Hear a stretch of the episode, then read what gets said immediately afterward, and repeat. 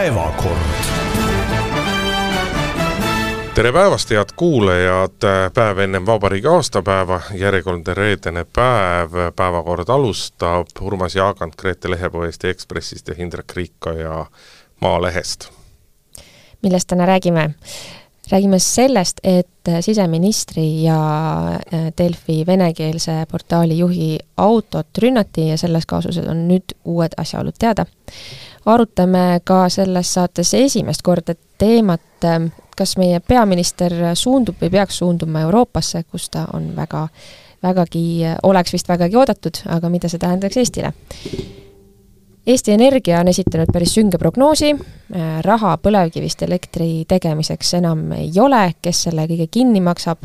ei tea ja kas see tähendab, et elektrit jääb meil vähemaks. Tippuisutaja, tippuisutamise treeneri Anna Levandi õpilased, äh, endised õpilased on äh, pahased ja nende vanemad on pahased, nad on teinud kaebekirjad Uisuliidule ja eetikat ka tegelevale asutusele. Äh, räägime sellest, mismoodi siis tuleb tippe treenida ja kust jooksevad piirid. ja viimaks äh, peretoetuste teema, taas kord arutlusel, mida lähe-, kust vähemaks võtta, kust juurde panna. Ja jõuame ka kultuurist pisut rääkida, neli pilti Tallinna linnaruumis tekitasid päris palju pahandust mõnede arvates sel nädalal. Aga alustame esimese päevakorrapunktiga. Ähm, siin oli mõnda aega tagasi juhtum, kus äh, siseminister Lauri Läänemetsa ja tõesti äh, venekeelse Delfi peatoimetaja Andrei Šumakovi auto aknad visati sisse ja oli juba siis selge, et see ilmselt mingi juhuslik äh, asi ei ole, nüüd on asjad nii kaugel, et kaitsepolitsei on siis siin mitme kuu jooksul pidanud kinni kümme kahtlustatavat, keda siis äh, Äh, selles teos äh, kuidagi või sellega seotult äh, kahtlustatakse ja kõige huvitavam selle juures on see, et on alust piisavalt, et kahtlustada, et Vene eriteenistused on kogu seda asja organiseerinud või kuidagi kaudselt juhendanud. No see on selles mõttes väga huvitav juhtum, mille kohta me oleme saanud nüüd siin vähekene ka niisuguseid muid detaile teada, üks, üks, üks põnev äh, asjaolu on see, et ega kuna äh, teatud inimesed siis nagu Eestisse Venemaalt nagu sisse ei pääse, siis on neil vaja muid viise, muid inimesi, kes neid asju teeksid, äh, mida nad tahavad korraldada, näiteks akende sisseviskamist autodel ja selleks siis äh, ma saan siis aru, leiti sotsiaalmeediast ähm, inimesed, kes siis olid valmis mm, nagu ühed laulusõnad ütlevad, väikse papi eest ka midagi sellist korda saatma, Mm, see on, see on selles mõttes tõesti huvitav, et et noh, ma ei saaks öelda, et see nagu kuidagi,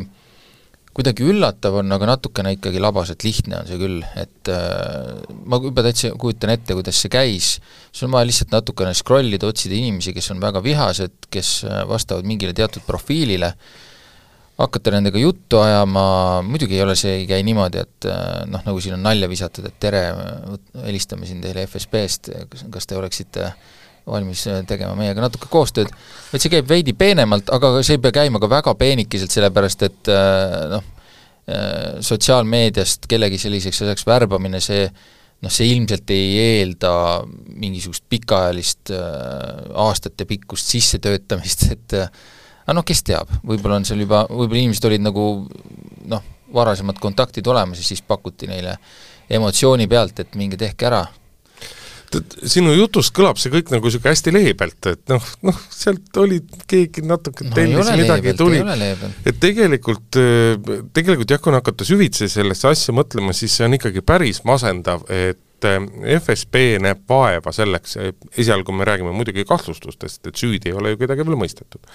aga praegu tundub küll, et FSB näeb vaeva äh, selle nimel, et palgata Eestist inimesi, kelle puhul, kellest mõne öö, palkamine, mina erinevalt sinust kardan, võib olla küll tõesti see, et helistan neile FSB-st, et kas ei tahaks natuke appi tulla. aga selle jaoks, et, et noh, tegelikult vandaalid seda lihtsalt. et kui juba nii pisikeste asjadega tegeletakse, mis siis on meil need suuremad asjad, millega tegeletakse, on küsimus, mis minu kuklas, kuklas kummitab. no pisikestest asjadest saabki kokku lõpuks suurem, et see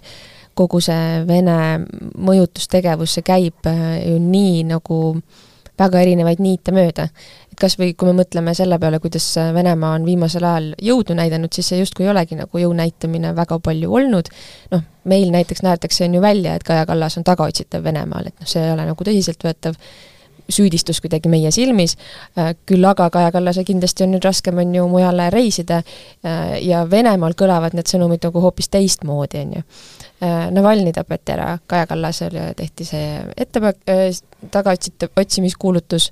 aidake nüüd meenutada, mis veel oli, et ah, siis, siis Venemaa ütles, et tema nüüd võiks hakata läbi rääkima, on ju, seal Hamasi ja, ja Iisraeli vahel. et kõik nagu sellised väikesed, väikesed nõksud ja sammud mis ta praegu astub näiteks, noh, see on lihtsalt näide nagu maailmaskaalal, on ju,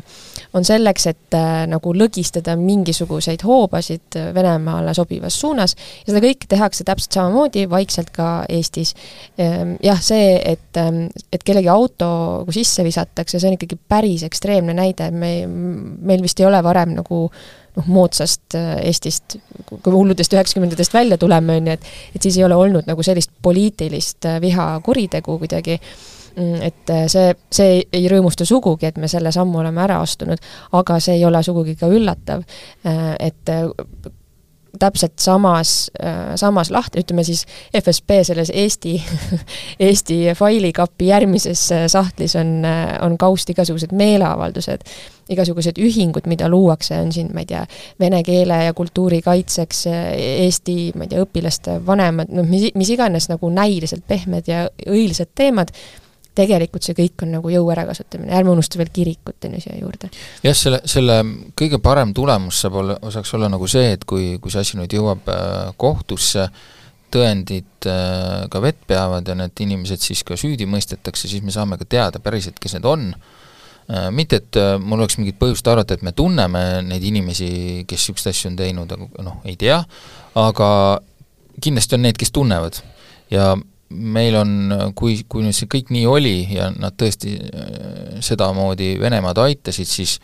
äh, kõige parem hoiatus kõigile teistele saaks olla see, kui me teaksime, kes need inimesed on, mida nad täpselt tegid, ja neil ei lasta kuskil kohtusaalis siis, äh, kui näiteks tuleb süüdimõistev otsus, ei lasta oma nägu mingisuguse kotiga kinni katta või millega iganes, et, et me teaksime, kes need on, et teised inimesed äh, kellel kindlasti vahel keeb üle, kui ähm, valitsus midagi lolli korraldab, mida ikka tuleb ju ette, et äh, siis tegelikult ikkagi mõeldakse järgi, kui keegi teeb niisuguse pakkumise, et äh, anname sulle, kanname sulle sada, sada kakskümmend pluss käibemaks ja lähed, lähed loobid mingeid aknaid kuskil või teed muidu möllu ja et see, mm, noh, see on see, et ütle, ütle mulle, kes on su sõbrad või et äh, ütle mulle, kellega sa, kellega sa sotsiaalmeedias nagu ühist viha leiad. Ja ma ütlen sulle, kes oled sina, et, et hästi hoolikalt ikkagi peab nagu mõtlema järgi äh, ja aduma ähm, et meil on Eestis jah, piisavalt on ju neid inimesi, nagu sa ütlesidki, et, et kes ei ole asjadega rahul ja absoluutselt nagu peabki tegema häält, kui ei ole rahul, aga asjad nagu on, see on vahe, et kuidas sa seda häält on ju teed. Mm ja ja teiseks tuleb kaduda, et osad nendest inimestest, kes seal kommentaariumis seda viha kütavad, äh, neil on hoopis teised eesmärgid kui see, et meil võib-olla valitsus vahetuks, sest et meile ei meeldi need maksumuudatused. Neil on, neil on, Venemaal on oluline, et Eestis oleks väga palju ebakindlust, et me ei usuks iseendasse, me ei usuks enda poliitikutesse, et me kahtleksime demokraatias, noh, see, see on noh, see, see auto lõhkumine on üks osa sellest valemist. see kõik muidugi ei saa tähendada, et no ja ei pea tähendama seda, nagu me ei peaks siin äh, siseriiklikult ka oma asjade pärast äh, kriitikat tegema ja kõike ja, muud ei, seda, aga noh, neile, kes kommentaariumid, kommentaariumides siin äh, noh, on juba jõudnud ka rääkida, et noh, mis see siis nii väga on, oli ja et ega noh, ministril on palga sees see, et vahel natuke kiusatakse ja nii edasi, siis kui ma nagu minister Läänemetsa osas võin sellega veel nõus olla, siis ärme unusta ära seda, et et oli ka ajakirjanik, aga veel olulisem on, et nendel inimestel on pered, nendel inimestel on abikaasad, lapsed. Ja mida peavad nagu nemad tundma ja noh, oleme ausad, see, see võib ikkagi nagu,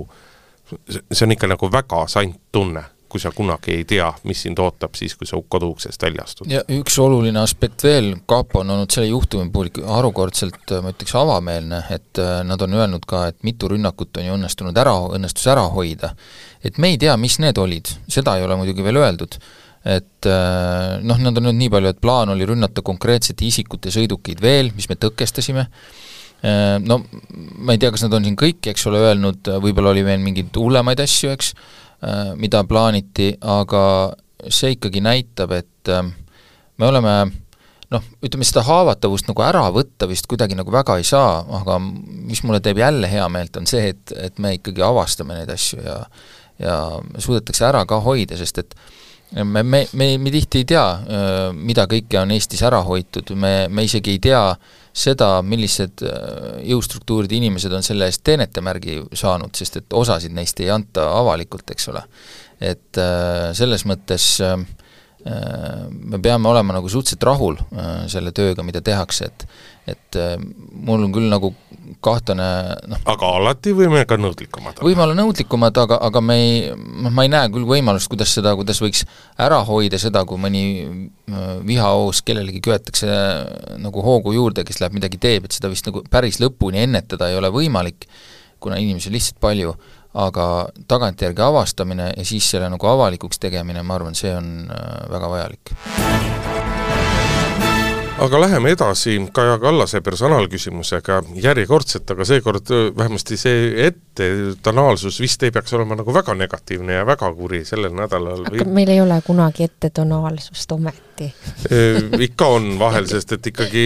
viimasel ajal on, viimasel ajal on ikkagi kahetsusväärselt palju olnud põhjust Kaja Kallast sõidelda, sellepärast et ta on teinud ühte-teist-kolmandat, sekka veel midagi neljandat öelnud ja viiendat lausunud, aga viimase nädala Kaja Kallase ümber keerlev üks suuremaid küsimusi on see, et kas Kaja Kallas läheb ikkagi Euroopasse, see küsimus on iseenesest pikalt õhus olnud, aga aga nüüd me oleme tõepoolest jõudnud punkti, kus erinevad ütleme niimoodi, et Euroopa Liidu erinevate poliitperekondade mängude tulemusel võib Kaja Kallas tõepoolest oodata ees äh, mõni kõrge ametikoht Euroopa Liidus, Euroopa Komisjonis ja paistab, et toetust tal selleks ka on, noh, suur küsimus on selles, et kas Kaja Kallas saab hakkama või ei saa. otsustamisega või? Äh, või no, seal, või olla, olla Euroopa tipp-poliitik, ma arvan nojah, ma pidasingi siin mitut, et, et kas ta, et kas ta saab, äh, vaata, kõik sõltub sellest, hästi palju Eestis on räägitud selle üle, et äh, kui tähtis on on selles, Kaja Kallas on olnud läbi kogu sõja Euroopas ja, ja maailmas väga silmapaistev persoon, ta on säranud äh, ma saan aru, et nüüd ma langen kuhugile madalale, kui ma ütlen, et eh, üks osa selles on see, et ta lihtsalt eristub sellest hallist keskealiste meeste massist tumedad ülikonnad ja sinised või punased lipsud, eks ole, nii selgelt, et see annab talle mingit võimendust. aga et kas tema sõnavõttudes, et kui palju on seal nii-öelda spontaansust, tema reageerimisoskust ja kõike seda, ja kui palju on nii-öelda väga head taustatööd, mida talle teeb, tehakse Välisministeeriumis, Kaitseministeeriumis, peaministri enda kantseleis. no aga seda, et ta on järeleandmatu, on ju, et ta tegelikult ei väsi kordamast ühte sedasama, ma arvan, nagu Kusti Salm, Jonatan Vseviov, Kaja Kallas, kõik on käinud ühte ja sama lauset põhimõtteliselt ütlemas Ukrainale,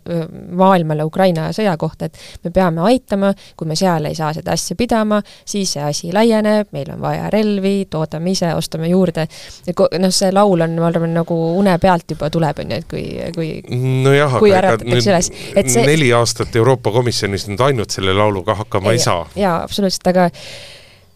mina äh, jälgin Kaja Kallast ka Instagramis ja seal ähm, see nädal ma, ma täitsa jäin vaatama, äh, ma kõiki neid kohtumisi ja käesurumisi ja asju ei, ei viitsi alati vaadata, klikin kiirelt läbi, aga Kaja Kallas kutsuti Saksamaale Hamburgi mm, ühele õhtusöögile, selline väga tradi-, pikkade traditsioonidega mm, õhtusöök, ma nüüd selle nime, nime olen unustanud küll. kas aga... maksuline, ehk kas õhtusööjad pidid maksma selle eest, et sinna pääseda ja ka teiste seas näiteks Kaja Kallast kuulama? ma ei oska sulle öelda. igatahes äh, Olav Scholz on ju riigi ähm, juht, võttis ta seal vastu ja ta pidas seal ka kõne. ja noh, see kõne sisu oli jälle seesama traktaat, mis ma enne siin ette kandsin just laias laastus, mm, aga see, ta mõjus nii äh,, nii hästi, et inimesed tõusid saalis püsti, plaksutasid talle tõesti nagu suurest tänutundest ja tunnustusest. Ehm, ehk siis see, see mis sa, Indrek, enne ütlesid, et, et teda nagu oodatakse või et ta on tõesti nagu tõsine kandidaat, jah, ongi, ja, ja see, et need vestlused ongi päris nagu tõsised, et, et vastust oodatakse, sellest vist kõneleb ka see, et ta nüüd ise avalikumalt sellest äh, räägib. Ja nüüd on siin jah, vait olnud. jah, nüüd on siin see, muidugi see küsimus, et äh, tema see nii-öelda poliitpere seal Euroopas on selline äh, meile võib-olla harjumatu, aga Euroopa mõistes täitsa tavapärane, et liberaalid on niisugune pisike et nüüd see esikandidaadiks äh, või niisuguseks, nagu seda nimetatakse, spitsenkandidaadiks hakkamine, eks ole, tähendaks siis seda, et et sellega nagu ei kaasne otseselt midagi, peale selle, et sa siis pead tegema kaasa mingi raundi debatte ja siis äh, ütleme, mis siis nagu kok-, nende pärastiste kokkulepete äh, pinnalt siis õnnestub välja rääkida siis äh, vastavalt siis ka valimistel saadud, Euro-, Europarlamendi valimistel saadud tulemustele, mida siis õnnestub liberaalidele välja rääkida, et et äh, see siis võiks olla nii-öelda kõige tähtsam nagu positsioon nendest, võiks siis olla selle inimese jagu, nüüd ongi küsimus, et mis siis nagu saab, eks, et et veidi, veidi ma saan aru, et see noh, võib arvata, et Euroopa Komisjoni juhi koht see ei ole, eks ole, seal on veel väli, kõrge välisesindaja, selle kohta ma ei tea, siis on siin, räägitakse jutte, et mingi uus uus nii-öelda kaitse, kaitseesindaja või kaitsevoliniku koht, mida seni ei ole olnud, et äkki tehakse niisugune asi ja siis sinna, aga selle kohta on ka teada alles selline idee, et selles mõttes on see väga nii-öelda hägune ilmselt Kaja Kallase enda jaoks, et ma ei teagi, mina ei tea, millest see otsust nagu võiks ära sõltuda, ma arvan, et tal on natukene noh, mulle on jäänud mulje, et ta ise tahaks olla üks esimesi peaministreid, kes pärast seda, kui ta on teinud oma otsused, mingisugused rasked otsused, mille pärast on saanud kõvasti vastu päid,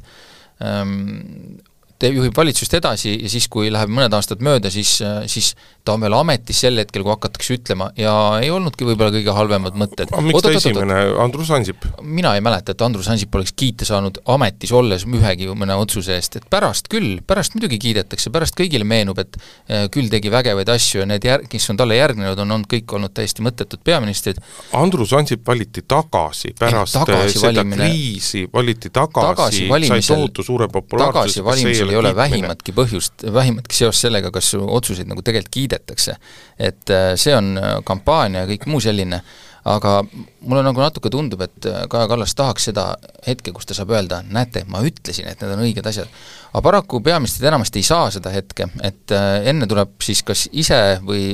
väikese kaasaaitamise toel nagu ära minna ja pärast siis tõdeda, et näete, ma ütlesin et noh, mm, selles mõttes võib-olla ta seda natukene nagu tahaks.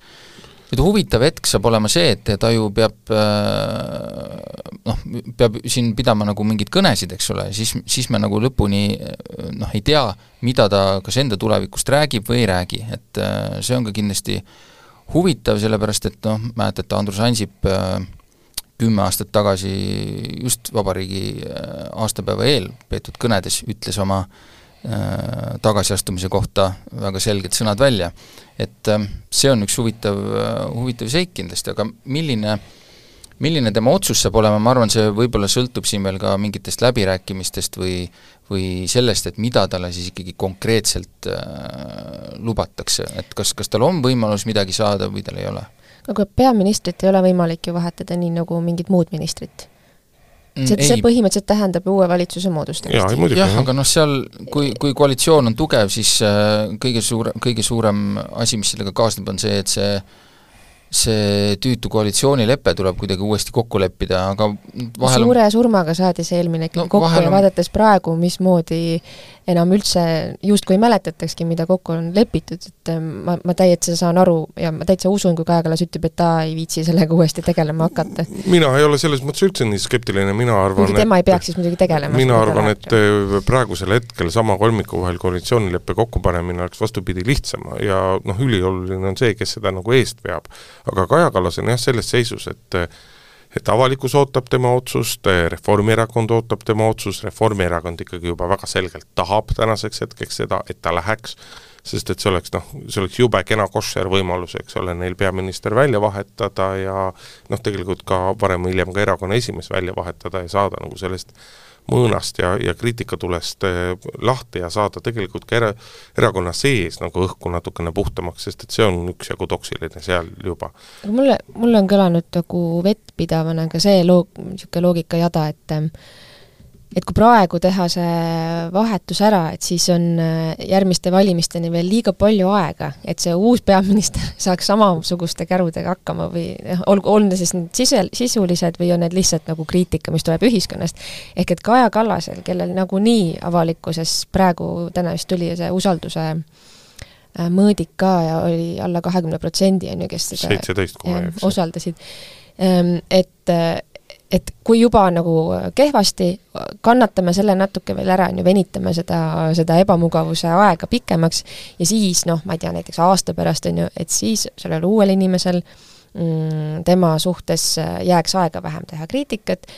rasked otsused on ka juba tehtud ja valimised on lähemal. aga Kaja Kallasele on see selle võrra valusam jällegi. jaa, aga noh, siin on alati, ütleme niimoodi, et kui on Euroopasse minek, noh seal neid kuupäevasid ei saa nihutada, siis on olukord niisugune, nagu on, eks. et mm -hmm. siis on alati võimalik teha ka ju jälle selliseid äh, nagu igast olukorrast on väljapääs, näiteks väljapääsuks võiks olla vahejuht inimene, kes, kes on mõned aastad, meil on, ma arvan, et Reformierakonnast me oleme palju näinud jaa, leiab, leiab küll niisuguseid äh, kindlasti selliseid inimesi, kes kes sobiksid äh, kenasti peaministriks ja kes äh, peaksid ka mõned aastad ja samamoodi siis ühel hetkel tehakse jälle uus vahetus, kus tuleb siis nii-öelda varjusse nii-öelda õige äh, peaminister. ma tean, see kõlab väga selliselt konspiratiivselt, aga ei, ei, mitte konspiratiivselt, aga lihtsalt päris nagu hirmus on mõelda, et noh, ma saan aru, et meil on kuskil spordis on vahetreener ja erakonnal on vahejuht, aga et meil peaministrist, me räägime tõsiselt no meil on olnud ka selliseid vahevalitsusi ja jõulurahu valitsusi, et, et selles mõttes see ei ole midagi nagu poliitilise nii-öelda käiguna uut, et noh, võib-olla me siin kindlasti mõtleme nagu üle, et äh, oluline on kõigepealt ikkagi teada saada, mida siis äh, Kaja Kallas ise äh, otsustab ja millal see otsus tuleb, eks siis, siis näeme juba edasi. see on umbes ühe kuu pärast. aga ma usun, et te olete kindlasti minuga nõus selles osas, et eh, kui Kaja Kallas läheks, siis Eesti nii-öelda poliitilise õhkkonna lööks see nagu tublisti puhtamaks küll. no võib-olla. aga läheme äh, järgmise teema juurde, mis, äh, kui kasutada väljendit õhk puhtamaks, siis sellega võib-olla veidi seotud, ainult teise nurga alt mm, Eesti Ekspress siin kirjutas äh, ühest loost ähm, ja mida on siis ka teised kajastanud, äh, mis puudutab teemat sellest, et äh, Eesti Energia on teatanud, kuidas vajatakse juba tänavu lisaraha selleks, et põlevkivijaamu käimas hoida ja käimas neid hoitakse, õigemini neid ei hoita võib-olla alati käimas, aga meil on vaja hoida seda nii-öelda seaduses või neile õigemini ülesandeks antud Äh, reservi või siis niisugust äh, nii-öelda juhitavate tootmisvõimsuste mahtu, äh, mille jaoks me neid siis, neid põlevkivijaamasid kasutada saame. aga me oleme sellises olukorras, kus kus Eesti Energia juht teatab, et raha selle jaoks justkui nagu pole ja ütleme siin, eks seda nüüd, nüüd on natuke neid nii-öelda kirjas kirjutatud äh, sõnumite tõlgendamise küsimus, et kas kas seal on olnud selline, ma ei tea, ähvardus, et me paneme nad muidu kinni või, või on see selline nii-öelda tuleviku kirjeldamine või on see arutelu avamine või mis iganes viisil seda äh, nagu nimetada, aga üsna selline ootamatu, ma ütleks, on küll see, see nüüd nagu kuidagi, kuidagi nagu järsk tõdemus. see on pehmelt öeldes ikkagi selles mõttes tõesti arusaamatu, et see jutt, et see jutt jättis küll sellise mulje, et või sellest kõigest jäi selline mulje, et kui nüüd Eesti Energia riigi käest seda lisaraha ei saa, on see siis kakskümmend, kolmkümmend või nelikümmend miljonit eurot, need summad on erinevates kohtades erinevalt läbi käinud, et et siis nagu kukuks Eestis elektri tootmine kokku ja, ja elektrit enam ei ole ja vaata, et Eesti Energia peab ka hingusele minema, et ma tahaks siiski inimestele meelde tuletada, et Eesti Energia on riigiettevõte, tema omanik on riik, Eesti Energia on väga kasumlik ettevõte, eelmise aasta majandustulemusi meil veel lõplikke ei ole, üle-eelmisel aastal näiteks Eesti Energia teenis puhaskasumit üle saja, saja kahekümne kaheksa miljoni euro. Eesti Energial on olemas see raha. Neil ei ole raha probleemi, neil on see raha olemas. see, kas nüüd kas riik peaks midagi sinna täiendavalt juurde andma, noh, kuulge, see on ju raha ühest taskust teise tõstmine, et kas kas riik võtab, võtab, võtab kuuskümmend miljonit eurot dividende ja annab sellest nelikümmend miljonit tagasi või võtab kakskümmend miljonit dividende? noh, tulumaksu vahe võib olla, seal võib mingi selline vahe olla, aga aga, aga selles mõttes on nagu väga keeruline aru saada, miks on vaja niimoodi hirmutada. mina ütleks, et tulevik ongi nüüd meil siin käes. et, et inimesed, kes tegelevad energeetikaga ja räägivad muidu rohe, rohevõimsuste ehitamise eest või, või need, kes otsesõnu võitlevad põlevkivi vastu, on seda juttu ju rääkinud ammu, et me oleme varsti selles punktis, kus me ei suuda nagu enam peale maksta selle saastamise eest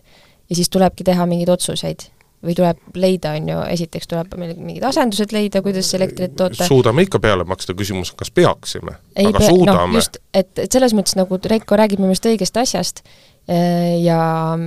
ja tegelikult me ei peaks, on ju, et, et mis see, mis see siis nüüd on, me nagu no okei okay,, praegusel hetkel ilmselt variante ei ole, on ju. Äh, noh, ma ei tea, siin vist tuleb see küsimus, et kas see on riigi abi, et kas me üldse saame nagu Euroopast luba, et seda toetada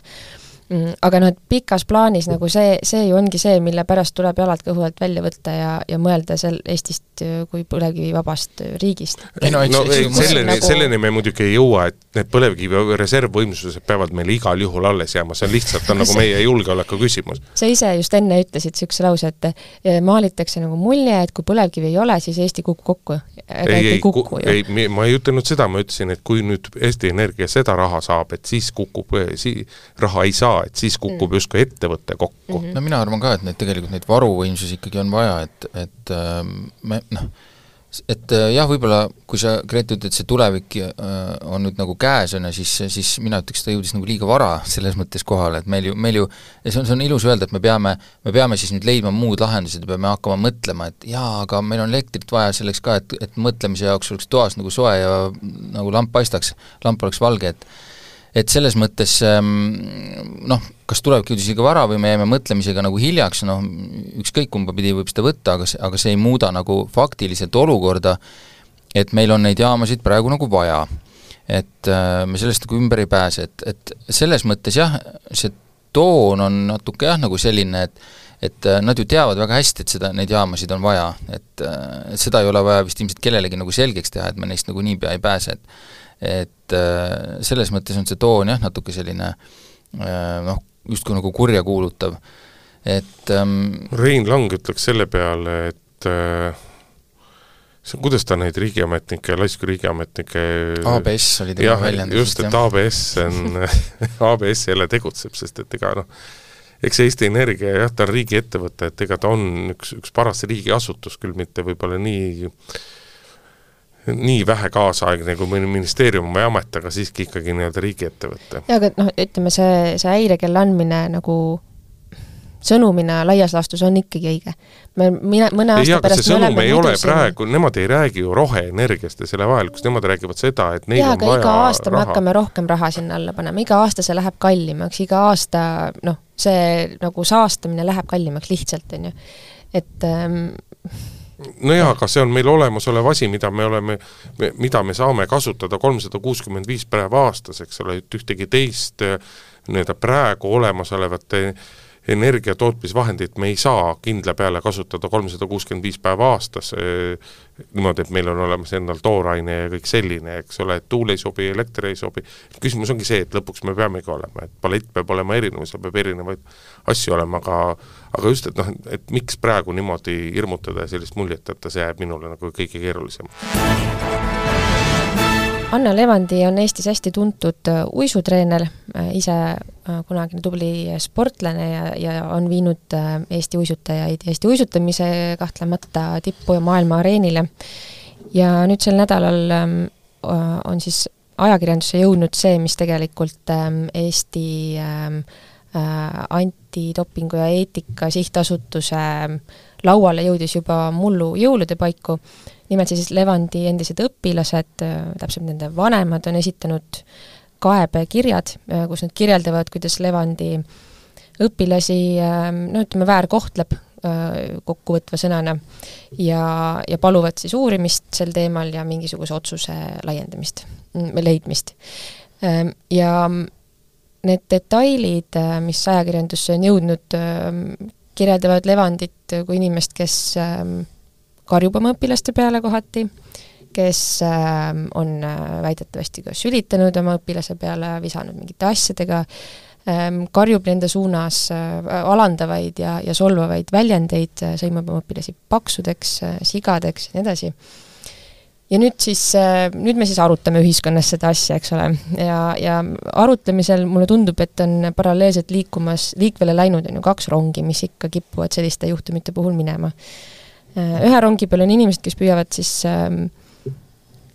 mõistavad hukka Levandi käitumise ja, ja püüavad nagu arutada selle üle, et, et kuidas siis ähm,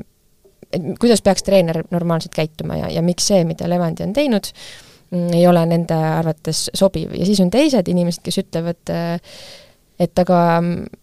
et miks te tühistate Anna Levandit, tal on nii suur teene Eesti ees, ähm, tema, tänu temale on ju meie, meil üldse ongi nagu tippsportlased ja ta on, ta on nii palju Eestile andnud, et me ei tohiks teda nii jõhkralt avalikkuse ees kritiseerida ja et tippsport kõik... käibki nii, on ka? ja, ja see on kolmas grupp. tahtsin sinna jõuda jah, et et selle, selle seal kõrval on siis jah, veel see kolmas arutelu,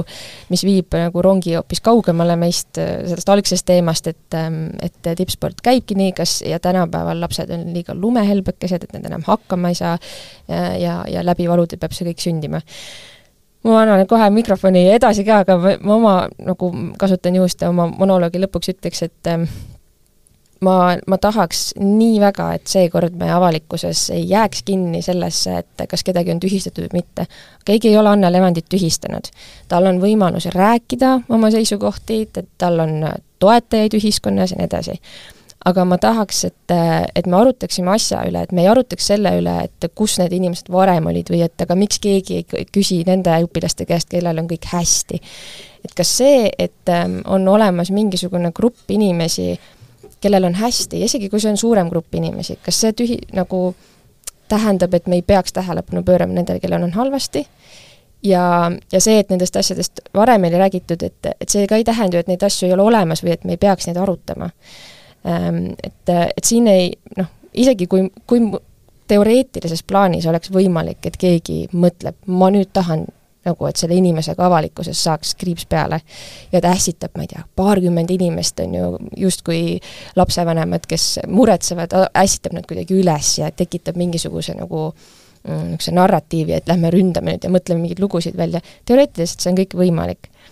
aga nendes, sellest kaasustes, nii selles kui tegelikult ka varasemates, kus samamoodi nagu arutelu on lappesse läinud, äh, need lood lähevad läbi aastate see on muster ja see on pikaaegne käitumine ja nüüd lihtsalt lõpuks kellelgi on olnud villand, keegi on võtnud julguse kokku ja sellest äh, rääkinud ja väga head on rääkinud. minu, minu arust, minu arust kõige huvitavam ongi selle juures see, et mina ei saa aru, kustkohast tuleb see kohe see äh, jutt tühistamisest ja uskumatul kombel see tuleb alati nagu nende poole pealt, kes ennast, äh, kes mingis konkreetses juhtumis nagu äh, nii-öelda süü-, justkui süüdlase poole peal on, või noh, keda siis nagu õigemini süüdistatakse, et, nende poolt tuleb Äh, kohe see jutt, et kedagi on hakatud tühistama, et ähm, see on, see on hästi kummaline väljend, et ma ei saa sellest nagu kohati aru, et tõepoolest ei ole kedagi, kedagi äh, kuhugi, ma ei tea, rahvusvaheliste vete kohal olevasse mingisugusesse, mingi poi peale viidud, et äh, sa oled ühiskonnast välja lõigatud või midagi sellist. et ma suures osas olen äh, Äh, Gretega nõus ja siin ongi, et püütakse nagu, et erinevad pooled püüavad nagu kehtestada seda oma narratiivi või seda, äh, seda teemat, millest räägitakse, et äh, mulle tundub ka praegu me räägime, pigem on jäänud nagu rohkem see teema püsti, et kuidas, kuidas räägitakse asjast et kuidas, kuidas tippsportlasti, tippsportlasi nagu treenitakse, et noh, ega see ju ütleme, täiskasvanud sportlaste puhul ongi see ju nii, et kui, kui on nii, siis äh, on halvasti, siis saab, eks ole, treenerit vahetada ja mis iganes ja noh, ega see, ega Anna Levandi ju selles ei eksi, et, et tippsport käib läbi valu ja pisarate, et küllap käibki. et äh, ei tahaks ise seda teed küll läbi teha selleks ja noh, need ohverdused on ikka täitsa jõhkrad, mida tuleb nagu teha selleks, et mingil alal jõuda absoluutsesse tippu, aga noh, me siin loos räägime selle juhtumi keskmes on olnud, eks ole, lapsed ja laste treenimine, kas need meetodid on, on olnud õiged või mitte, et et see on see koht, et et ma ei tea, ma ei tea, kus maalt, et Anna Levandi on ka ise öelnud, et tema on saavutussporditreener, mis siis tähendabki mm, põhimõtteliselt seda, et tema põhimõtteliselt ju ei võta endale treenida neid, kes tahavad hobi korras natukene tegeleda iluuisutamisega, et et need, kes tema juurde lähevad, nendel on sil-, nendel on vähemalt enda arvates selge siht, nad tahavad saada tippsportlasteks. Ja nüüd ähm, noh, nüüd on küsimus, et äh, kui need asjad on olnud teistmoodi, kui kumbki osapool on arvanud, mida see endast kujutab, et ähm, noh, kes siis nagu siin süüdi on, ega see ei, see ei muuda muidugi vähimalgi määral seda, et kas kellegi peale äh, noh, põhimõtteliselt tohib nagu, kedagi tohib sõimata või, või noh,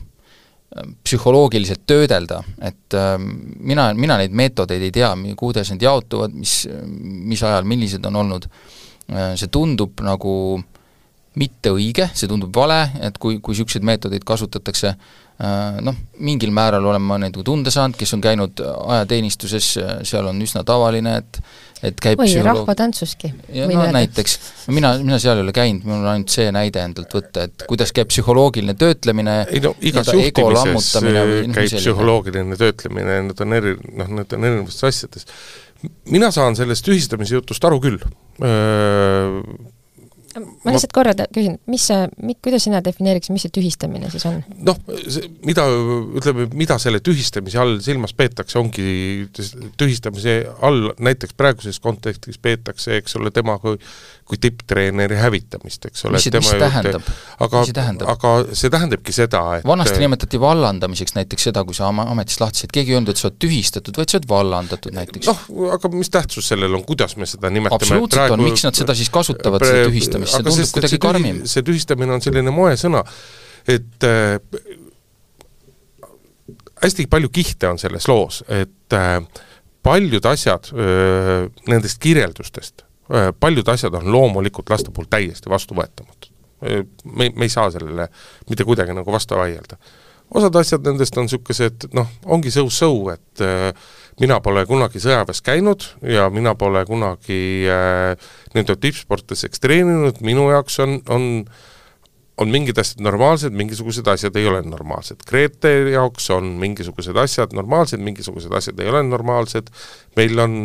selles osas ma võin sulle varsti öelda, et piirid on väga-väga selged minu jaoks, ma võin sulle et see, ei, ei, ma räägin sellest, et erinevad inimesed tajuvad, eks, Urmas on käinud sõjaväes, temal on mingisugused arusaamised ja mõni teine on olnud tippsport, tipptasemel sporti teinud, see on teine,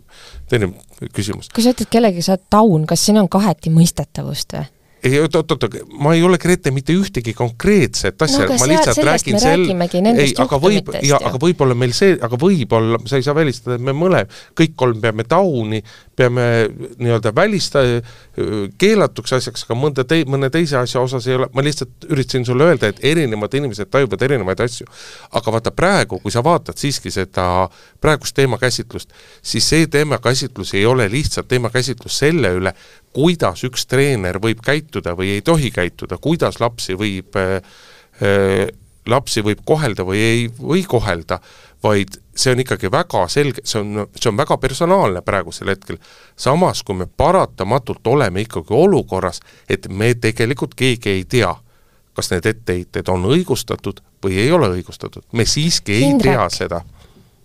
küsimus ongi selles, et Anna Levandi, Eesti tippuisutreener on oma õpilasi väärkohelnud. Sa ei tea seda, sa ei saa aga... seda niimoodi väita, sa väidad sellepärast, et sa usud süüdistajaid, aga sa ei usu Anna Levandit no tema on, Anna Levand on jah, nendes intervjuudes, mis ta on andnud, öelnud, et kui tal on, tal on küsitud ka konkreetseid juhtumeid, kas on kedagi nimetatud seaks või mida on öelnud, et ei ole olnud selliseid asju, no on teised inimesed, kes väidavad, et on olnud ja, selliseid ta, asju. ta möönab, et ta on teinud mingisuguseid eksimisi, mille eest ta nii-öelda on ka nendes oma eelkõige eilsetes kõnelustes vabandust palunud, aga ta on ütelnud, et suur osa nendest etteheidetest siiski ei ole tõsi. nii, siis on, siis on see väike osa etteheiteid, mis on tõsi ja selle koha pealt peakski nagu me võtma seisukoha, ütlema, et niimoodi ei ole okei okay treenida lapsi ei Anna Levandil ega edaspidi mitte kellelgi teisel. aga jah, muidugi see on personaalküsimus, loomulikult see on personaalküsimus. sest see on tema, tema õpilased, kes on katki hingeliselt ja, või füüsiliselt ja ikkagi ma, ma, ma ei taha neile inimestele halba teha, aga me siiski, me oleme selles olukorras, kus tegelikult me, me valime poole oma uskumise järgi, mitte selle järgi, et me tegelikult teame, kellel on õigus ja kellel ei ole õigus. miks need inimesed peaksid valetama selliseid detailseid asju? ma, ma, ma ei oska sulle öelda. aga sa süüdistad neid ju valetamises? ei, ei, ei süüdista. kahtlustad neid valetamises? ei, ei süüdista, mina ütlen, et me ei tea, kummal poolel on õigus ma toon, toon sulle selle näite, eile kui me saadet ette valmistasime ma ei tahaks, et sa tooksid seda näidet, sest et me võiksime rääkida nagu konkreetsest asjast ei, ainult. aga vaata, see on selles mõttes, see on oh. oluline näide, et meil, meil sellel aastal teise rongi peale, head kuulajad, mäletate, mis ma alguses rääkisin? ei, ei hüpanud teise rongi peale, meil on äh, sellest aastast üks näide ühest ülikooli õpila-, õpetajast, keda süüdistati seksuaalses ahistamises. ta käis pika kadalipu läbi, kadalipu läbi ja selle pika kohtus käimise tulemus oli see, et äh, tunnistasid ka need õpilased, et midagi sellest tegelikult ei olnud. aga see inimene jõuti risti lüüa, kui tema ei oleks seda kohtuteed ette võtnud, siis me kõik elaksime teadmises, et tema ahistas ja olid kannatanud. et äh, ma saan aru, et see on nagu kohutavalt keeruline, on see koht, et kust me nagu tõmbame, aga praegusel hetkel ühiskondlik arutelu siiski keskendub eelkõige Anna Levandi isikule sest et tema ongi uudiste kese. tema on uudiste kese, aga vaata, meie ei tea tänasel hetkel, võib-olla oleks siiski õigem ära oodata seda, mida teeb Uisuliit. mina ise tahaks küsida, et kas tegelikult on õige sellist asja anda näiteks Uisuliidu uurida, kui meil on olemas olümpiakomitee, meil on äh, olemas nii-öelda antidopingu organisatsioonid, asjad, et, äh, et et tõde on kahtlemata selles olukorras tarvis teada saada ja on tarvis teada seda, kes on uskunud, aga kas me, kas me praeguses protsessis saame öelda, mis asi see on tõde ja kas see uurimine, nagu mis käik praegusel hetkel on sellele antud, kas me sealt saame seda tõde teada, see on minu pärast probleem, minu arust veel suurem probleem. loomulikult on see probleem, kuidas käituvad treenerid, ma olen lapsena trennis käinud, ma olen Vana-Toorbeku trenn, Vana-Toorbeku trennis Kossus käinud, noh, olin alg-, algklasside poiss, eks ole, ma mäletan, mis toimus ja, ja veel hullem oli see, mis, eks ole, toimus, toimus tüdrukutega seal kõrval. Noh, see oli veel hullem, ma tollel hetkel ei saanud sellest aru, tänasel hetkel saan ma sellest aru. ma ei jaga üldse neid, kes ütlevad, või nende seisukohta, kes ütlevad, aga kus te siiamaani olite, aga kus te siiamaani olite muidugi võiks alati, alati võiks olla see, see, et kui probleemid tekitavad, tekivad, siis tuleb kohe rääkida. aga kui keegi on kunagi haiget saanud ja ta mõistab seda haiget saamist, ta on lapsena haiget saanud ja mõistab täiskasvanuna, siis ega see kunagine haiget saamine ei ole nagu vähem olulisem. aga, aga me jõuame ikkagi sellest taga, me ei räägi terviklikust probleemist, me oleme praegu ühe inimese kesksed, me peaks laskma selles mingisuguse selguse saama, selguse igal juhul saama no, ma kardan, et me praegu ei jõua muidugi selle selguseni lähemale. eks seda ju otsitakse, ega ajakirjandus otsib seda samamoodi, et see on, see on ka põhjus, miks küsitakse tema erinevatelt äh, äh, noh, õpilastelt, kes on temaga koos koos töötanud, küsitakse, ma ei tea, teistelt treeneritelt, leidub isegi mingisuguseid äh, spordiga seotud inimesi, kes leiavad, et nemad oskavad kommenteerida seda, mismoodi Anna Levandi treenib inimesi, et kes pole seda võib-olla ise kõrvalt näinud, et noh, eks igalühel tunneb, et neil on midagi nagu öelda selle koha pealt, kahtlemata inimestel on nagu suur uudishimu, et noh, kuidas siis oli, inimesed tahavad samamoodi teada, et kum-, kes on siin äh, kas inimene on nagu süüdi nendes asjades, et äh, ma olen ka nõus, et see nagu põhiline point on ikkagi selle koha peal, et kuidas nagu siis lapsi treenitakse, et olenemata sellest, mis see mis selle konkreetse mm, juhtumi tulemus on, et äh, mismoodi, ja muidugi me peame siin nagu vahet tegema ka seda, et la-, laste treenimise mõte on ju, on ju see, et et äh, lastel oleks liikumishuvi, et neil, et neil tekiks huvitav, nad tahaksid midagi teha, et selekteerida, üks asi, mida treener kindlasti peab tegema, on selekteerima välja ka neid, kellel on potentsiaali rohkemaks, kes, kes, kes võiksid, ma ei tea, minna spordikooli või kellel, kellel on mingi noh, võitjale omased nagu tunnused, äh, mida on võimalik ära tunda tema nagu spetsialisti silmaga, aga laste treenimine ei ole, minu arust on niisugune laste võistlussport on üldse niisugune nii ja naa, nii ja naa asi, et et ma saan aru, et lapsed ise kindlasti tahavad võistelda ja see on, see on lahe ja kihvt ja kui sa saad olla kellestki parem, aga see on natuke niisugune kahe otsaga asi, et et sest see saavutus, ütleme, kelle saavutusi seal nagu soovitakse teha, et küllap me oleme näinud, me oleme näinud küllalt ka lugusid, kuidas vanemad elavad oma mm, noh, vajadusi saavutuste järele laste peal nii-öelda välja äh, mitte oma vajadusi, vaid oma nii-öelda teostamata unistusi no, näid, ja kõike no, see, ja, ja, ja see on, ja see on tõesti päris, see on tõesti päris hirmus. et ega seal natuke on küsimus ka selles, et et ega kunagi ei ole hea teada, kuidas vorsti tehakse, aga noh, ka sellel vorsti tegemisel on alati mingid piirid, noh ma vaatan enda lastegi pealt, eks ole, et nemad mängivad jalgpalli, et kuidas on praegu suhtumine, kui nad on viieteistaastased ja võetakse nagu asja tõsiselt ja, ja kuidas see suhtumine oli nagu varem, et et ega see kohati on, kohati on see väga karm ja see ongi väga, ja see ongi füüsiliselt valus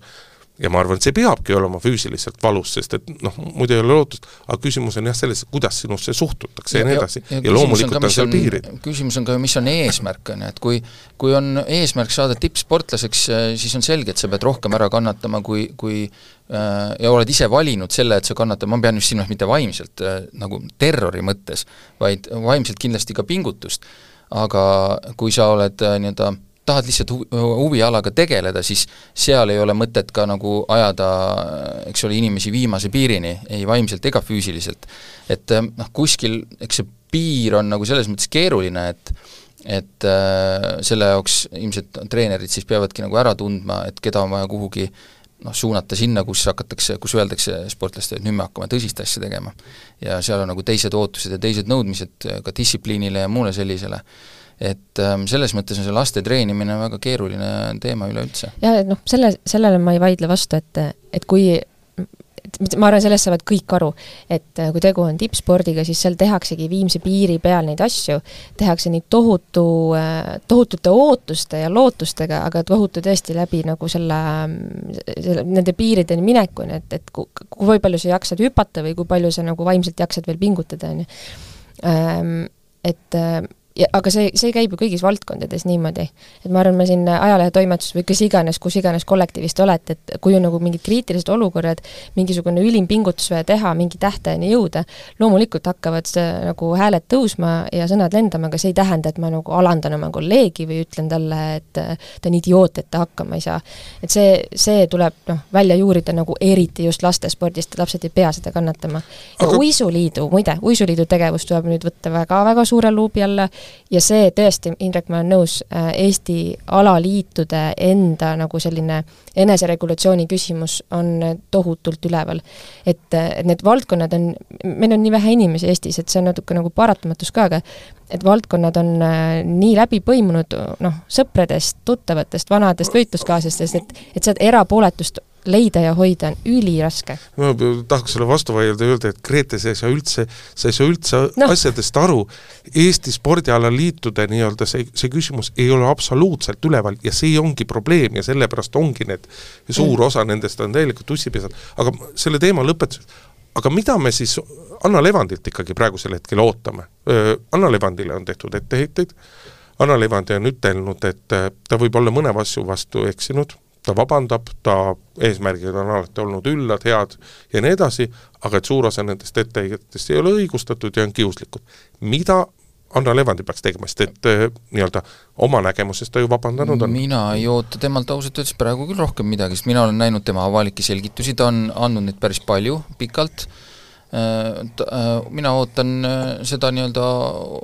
noh, nii-öelda ametlike uurimiste siis või kuidas iganes nad neid seal nimetavad, äh, nende tulemusi, et, et mis nad siis, mis nad siis teada saavad, see nende, kui nad räägivad nii-öelda suletud uste taga nende kõikide asjaosalistega ja, ja seda, see mind ootab, et huvitab, et äh, ma, ma ei, ma ei näe, et praegu oleks ma ei tea, midagi Anna Levandit spetsiaalselt nagu oodata või võib-olla te arvate teistmoodi? ma ootan temalt ausust ja ausust enda sisse vaadata ehm, noh, me ei saa kui... ju öelda, et ta seda ei ole, see, mis ta on rääkinud lood..., et see juba nii on. et ma loodangi, et, et ta võtab aja, sest kui vaadata neid vastuseid, mis ta näiteks Pealtnägijale andis ähm,, ma ei tea, kas Eestis on, kas see on õige, et tipptreener ja võib-olla siin peab siis keegi nagu koos Anne Levandiga seda põrgatama niimoodi või analüüsima, kes on nagu ekspert rohkem, et kui tippsportlaste treener ütleb, et noh, psühholoogid tegelikult nagu rikuvad asja ära, et kas see on kaasaegne lähenemine et ta ei, ta eitas jah, mingisuguseid juhtumeid, aga minu meelest oma vastustes ikkagi nagu libises üle selle faktist, et, et ta ikkagi on oma õpilaste, noh, sõimanud oma õpilasi. see on jälle huvitav, ma lihtsalt ühe märkusena, ma vaatasin, kui siin nüüd oli laskesuusatamise mm oli jah, et üks intervjuu oli, ma nüüd tõesti ei mäleta ka enam, mis tippkoondise, mis tippriigi sportlastega seal tegu oli, kas olid sakslased või keegi, kus ka üks peatreener rääkis, et äh, ei, tema ei luba psühholoogi juurde minna oma sportlastele, et mina olen treener, mina tegelen selle asjaga, mina tean nagu, mis peab olema. et äh, ja nii oli. et äh, noh, küllap see, see mulle lihtsalt, kui ma kuulasin Anne Levandi juttu ka samamoodi, siis mul kuidagi tuli see nagu meelde vaata, seal on väike vahe, et üks asi on täiskasvanud, teine asi on lapsed ja,. jah, tõenäoliselt küll, et äh, noh, võib-olla, võib-olla ongi see, et, et et see ala ähm, kus, kus Anna Levandi toimetab, see on üks selline, näiteks võimlemine on ju ka niisugune ala, kus on hästi noorelt ollakse tippspordis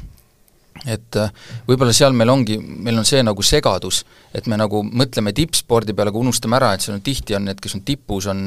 on alaealised. et äh, ma ei tea, tõesti, võib-olla ma siin eksin, võib-olla Eesti need tipud on kõik äh, täisealised, aga võib-olla ei ole ka. et ühesõnaga, see kipub nende alade puhul võib-olla segi minema natukene või me unustame ära, et et äh, ei pane tähele seda, et jah, tippsportlased, aga tegelikult alaealised. no seal on lihtsalt see oluline vahe, et treeneri ja alaealise üksiksportlase suhe on alati hoopis teistsugune ja see laps on treenerist palju rohkem sõltuv kui täiskasvanud üksikalasportlase ja tema treeneri suhe. me oleme pikalt rääkinud, katsume viimase kahe teemaga võib-olla natukene eh, kiiremini teha, aga Signe Riisalo on tulnud järjekordsete suurepäraste ideedega äh, välja numbritega, ütleme niimoodi, et numbreid natuke endale kasulikult tõlgendades, aga tulnud siis välja mõttega, et võib-olla me ikkagi peaksime veel kord mõtlema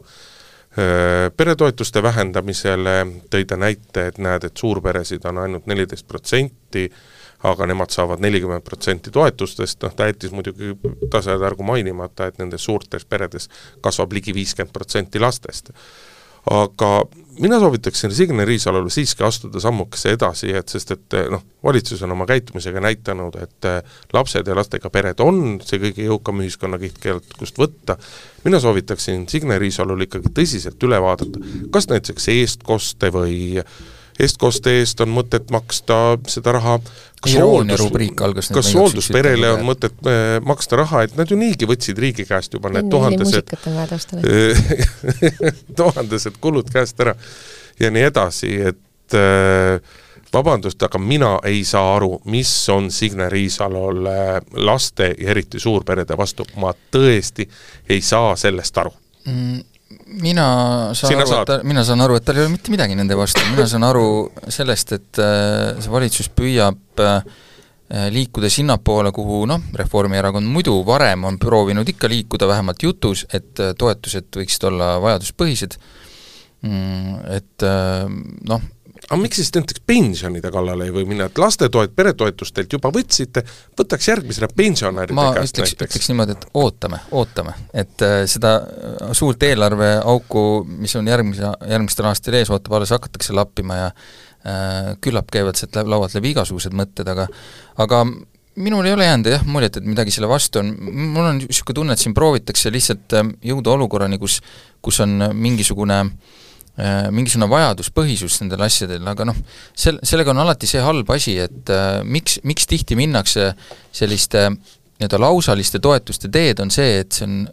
et äh, sul, kui sul jääb ära see nii-öelda eristamine ehk bürokraatia siis see lõpuks on odavam. siis on, siis see mitte ei ole odavam, noh, ta on nagu odavam selles mõttes, et sul on, jääb rohkem raha, mida jaotada. et seda, mida sa külvad, siis sa saad rohkem külvata. et nüüd ongi, kumb siis nagu olulisem on, et kas äh, hoida natuke kokku neid, mitte natuke, aga noh, võib-olla päris palju bürokraatiakulusid ja saada, jaotada kõigile rohkem, et kõik saavad kätte natukene vähem, või siis kulutada mingi osa bürokraatia peale, et jagada laiali vähem, aga kes, kes, need, kes seda vajavad, saavad siis jällegi rohkem. et ähm,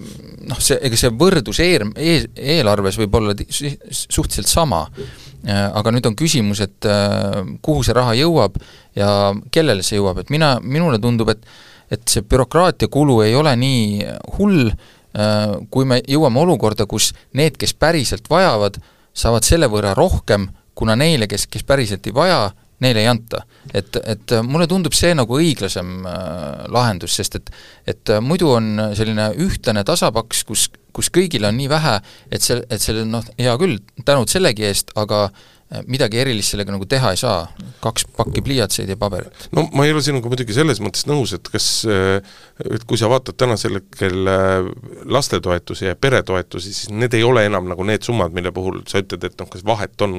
vahet ei ole, kas on, et saad kaks pakki pliiatseid osta, et kui sa mõtled laste trennidele, asjadele, et noh, kui palju sa tead nagu reaalselt peresid, kes, kes saavad tänu, tänu toetustele nii-öelda oma lastele rohkem lubada. Ja, ja kui palju sa tead need, kellel pole mingisugust vahet, kas see raha tuleb või ei tule, et ma, ma tunnistan ausalt, ma ei tea küll tänasel päeval, noh ma vaatan kas või, jah muidugi ma ajan natuke selles mõttes iseenda asja, et, et ma liigutun ka suurpere jaoks, aga mina julgen ausalt tunnistada, et ei saa kurta, et endal või abikaasal läheks, läheks kehvasti, noh ei lähe kehvasti, aga pagana raske on pagana raske on ikkagi majanduslikult täna, tänasel päeval pärast kõike seda trianglit nagu toimetada ja ja kui ma mõtlen mingitele trennirahadele, laste jumal, loovtöödele koolis, ma ei tea, trenniga võistlustel käimisele ja kõigele muule, siis on ikka valus küll, tõesti on valus, noh. Jah, ongi, küs-, küsimus on, et on ju, kui palju ja kas riik sellest nagu kinni peab maksma, et äh, eks, eks see on see nagu vaidluskoht, aga põhimõtteliselt ma, et ma kas riik nagu... peab lastesse investeerima või ei pea? no mis määral peab, et, et see noh, kellel ei ole raha, see ilmselt tippspordiga, ma ei tea, autospordiga näiteks tegelema minna ei saa ja nii lihtne see ongi, kui sa just enda sponsorid välja ei räägi. et kõigil lastel ei on sul aimu no., mis maksab kõige lihtsam trenn lapsele? Ei tea. mis, mis on? ei, ma ei tea, aga ma tean, kui palju täiskasvanutele need hobid maksavad, et küllap need ikkagi on samas suurusjärgus. et äh, jaa, aga noh, me, me ei ela nii rikkas riigis, et me saaksime kinni maksta kõigi laste kõik trennid. ja me oleme hakanud seda järjest rohkem seda, taipama. aga ega me see, aga ega me see, ega seda ju keegi ei taotlegi, et kõigi laste nii-öelda kõik trennid kinni makstakse, aga eks ole, et kui meil on olnud nagu pikalt, eks ole, lapsetoet-, lastetoetused, siis meil nüüd tõsteti mõnevõrra, eks ole, peretoetusi, sealt tõmmati kolmkümmend, pisut üle kolmekümne prossa juba kärbiti ära, et kas see on nagu koht, kust me siis nüüd järgmisena räägime, et võtame veel kas, kas noh, kas, kas tõesti peretoetus no,, lastetoetused peavad see, olema loomulikult, kui riik äh, midagi alguses andis suure vab, äh, lahke käega ja nüüd võtab tagasi, siis see on äh, inetu, aga see on poliitika. Ja loomulikult võib nagu oodata, no ütleme, peaks järgima seda, seda ootuse põhimõtet, on ju, et kui kodanikul juba oli nagu õiguslikku nagu, õige nagu oodata mingisugust asja, on ju, siis riik on liiga teinud. aga ma, ma ikkagi ütleks, et et nagu sa ise ükskord ühes saates tabavalt ütlesid, et enne kui on kolm last, on vaja seda esimest. et, et kui, kui see poliitika suund on sellele, et luua nagu võrdsem ja tajutavalt nagu võrdne ühiskond neile, kes alles alustavad oma peret või on üksikvanemad, jopp, meil pole üksi, üksikvanemate toetustest nagu, pole nagu haisugi põhimõtteliselt võrreldes suurperedega. sul on väga õige tähelepanu juhtimine, et seda Signe Riisalo tahab ka lahendada läbi selle, et hakata vanema palka kärpima selle esimese lapse tulekut, et noh, tegelikult see nagu kompleksis on, meil on suhteliselt jabur olukord me ei jõua seda kaarti avada praegu. hästi kiirelt siis mainime ära, et ähm, kahekümne neljas veebruar paraku jääb selliseks kuupäevaks igavesti ilmselt või vähemalt mõnekümneks aastaks, e, e, kus Eesti üks silm nutab ja teine naerab, et me tähistame oma riigi sünnipäeva ja samal ajal Ukraina peab oma vabadusvõitlust, äh, mis algaski just kahekümne neljandal äh, veebruaril. ja, ja see nuttev silm ilmus tänavu, sellel nädalal nelja kohta Tallinnas, mm, näiteks Laagna tee äärde ja suurt, ütleme siis suurte teede äärde, kus, kus näeb kõrval suuri maju ähm,, olid tehtud foto sellest majast ja fotol oli ähm, montaažiga siis jäetud mulje, justkui seda maja oleks pommitatud. pildid, äh, mida nagu esialgsel vaatamisel võikski mõelda, et need ongi Ukrainas tehtud, aga need olid tehtud siis Eesti majadega. ja no sellist äh, võtet tegelikult on kasutanud, ma mäletan, äh, Soome ajakirjanduses üks, üks väga hea lugu ähm, tegi selle siis, kui Süürias Aleppo pommitati maatasa, siis soomlased ehitasid sellise virtuaalreaalsuse pildi, kus sa said prillid ette panna ja sa vaatasid ringi ja seisid seal Soomes seal väljakul ja vaatasid, kuidas katedraal on puruks pommitatud seda, neid võtteid, seda võtet kasutatakse noh, empaatia loomiseks loomulikult ja loo jutustamiseks. ja, ja ma arvan, et seda empaatiat Ukraina suunas äh, tuleb ikkagi üleval hoida. Need pildid olid šokeerivad ja see inimesi pahandas, aga ma ütleks, et palju šokeerivam on see, mis päriselt Ukrainas toimub, et et ähm, kui kunst niimoodi liigutab, siis on see ikkagi hea kunst. jah, see on minu jaoks kõige, kõige naeruväärsemad on olnud need seisukohad, kus, kus inimesed on öelnud, et aga meil lapsed ju pidid neid ka nägema. Äh, ma, ma usun, või ma siis, ma vähemalt eeldan, et need inimesed, kes ütlesid, et aga lapsed ju näevad, ma siis eeldan, et nad panevad õhtul näiteks Aktuaalse kaameraga kinni, sellepärast et seal näeb ikka ka igasuguseid asju eh, Ukrainast, mis seal kõik on toimunud, mõned kohad võib-olla udutatakse ära, aga see pilt, mis seal, mis sealt avaneb, on ka päris kole ja nende põhjal võib ka lastel tekkida küsimusi, sest lapsed, lapsed teatavasti on harjunud ekraane vaatama ja võib tekkida ka hulga küsimusi, et ma, ma ei saa üldse sellest püstitusest aru, mis tähendab, et et keegi, keegi saab šok-, šoki, sest et tema maja on kujutatud näiteks pildi peal puruks pommitatuna, šoki saavad need, kelle majad on Ukrainas päriselt puruks pommitatud. et äh, selles mõttes äh, see pilt on vähim, mis saab juhtuda ühe majaga äh, vabas riigis, nii et ähm, ma ei tea, minu arust ainsad hädaldajad on siin olnud mõned munitsipaalpoliitikud ja mind lihtsalt hämmastab, et, et kuulge, noh, kas, kas te tõesti, kullakesed, ei ole nagu mitte midagi õppinud, et mis asja te lähete kunsti ümber oma poliitikat tegema, et see on ju, see on ju täiesti mõttetu ja, ja oleme ausad, et kui see kõik teid nii väga häirib, siis kõige parim, mis te teha saate, on ärge jumala eest rääkige seda ja valdav osa inimestest ei oleks seda kõike üldse tähele pannud, aga nüüd minnakse ekstra vaatama. hästi kiire välkloterii, mis tähendab, et taaskord ma võtan teilt ära demokraatia. Grete eluloterii. Grete eluloterii äh, vähendatud vormis äh, ehk siis äh, loosirattast äh, ma ei, ei keeruta, aga küsimuse esitan äh, teile ikka äh,. Oklahomas äh, peeti äh, väga, väga tõsise krimiasja üle kohut, kaheaastane poiss sai surma seal. ja selle üle siis, äh, see oli tap-, tapmise, noh, mõrva, mõrvakaasus Äh, aga kohtunik ähm, noh, otsustas teha midagi muud seal istungite ajal ja mis viis lõpuks selleni, et ta astus siseselt tagasi selle, selle istungi äh, juhatamisest. ja küsimus teile on, et millega võis tegeleda kohtunik kohtusaalis, mis äh, ikkagi ärritas inimesi niivõrd ja, ja talle töö maksma läks? no moodsal ajal ma pakuks, et mängis telefonis mingisugust mängu, ma ei tea, mis need populaarsed mängud on, ma tahaks pakkuda ussimängu või Tetrist, aga need võib-olla isegi ei kõla paljudele meie kuulajatele isegi naljakalt enam. ma ei, ma ei tea, lõikas varbaküüsi tegi mingit maniküürist, et ma, ma ei suuda uskuda, et ta nüüd võib-olla mingisugust äh, mingeid pedofiilseid materjale samal ajal arvutist vaatas. ma läksin päris hea fantaasia, jah. Äh, aga Urmas oli lähemal, ta saatis äh, sõnumeid saatis sõnumeid ja umbes viissada sõnumit suutis ta siis äh, vahetada seal oma sõpradega, äh, aga mis nagu rahvast, ähm, rahvast eriti närvi ajas, oli see, et ta mõnitas seal ka prokuröre, mõnitas sõnumites, sõnumites, ähm, tegi seal, saatis äh, niisuguseid solvavaid smaile ja ühesõnaga käitus vääritult. Ühe asja pean ma parandama, meie lugeja eelmine sa eelmises saat-, lugeja, kuulaja andis teada, et ma eksisin eelmises saates. eksisin nimelt eluloteriis selle fakti vastu, et ähm, rääkisin sellest mehest, kes ehitas hästi kõrge Eiffeli torni äh, tuletikkudest ja et temalt võeti rekord ära, kuna ta ise neid tikke ei, ei lõiganud ära, neid väävli otsi.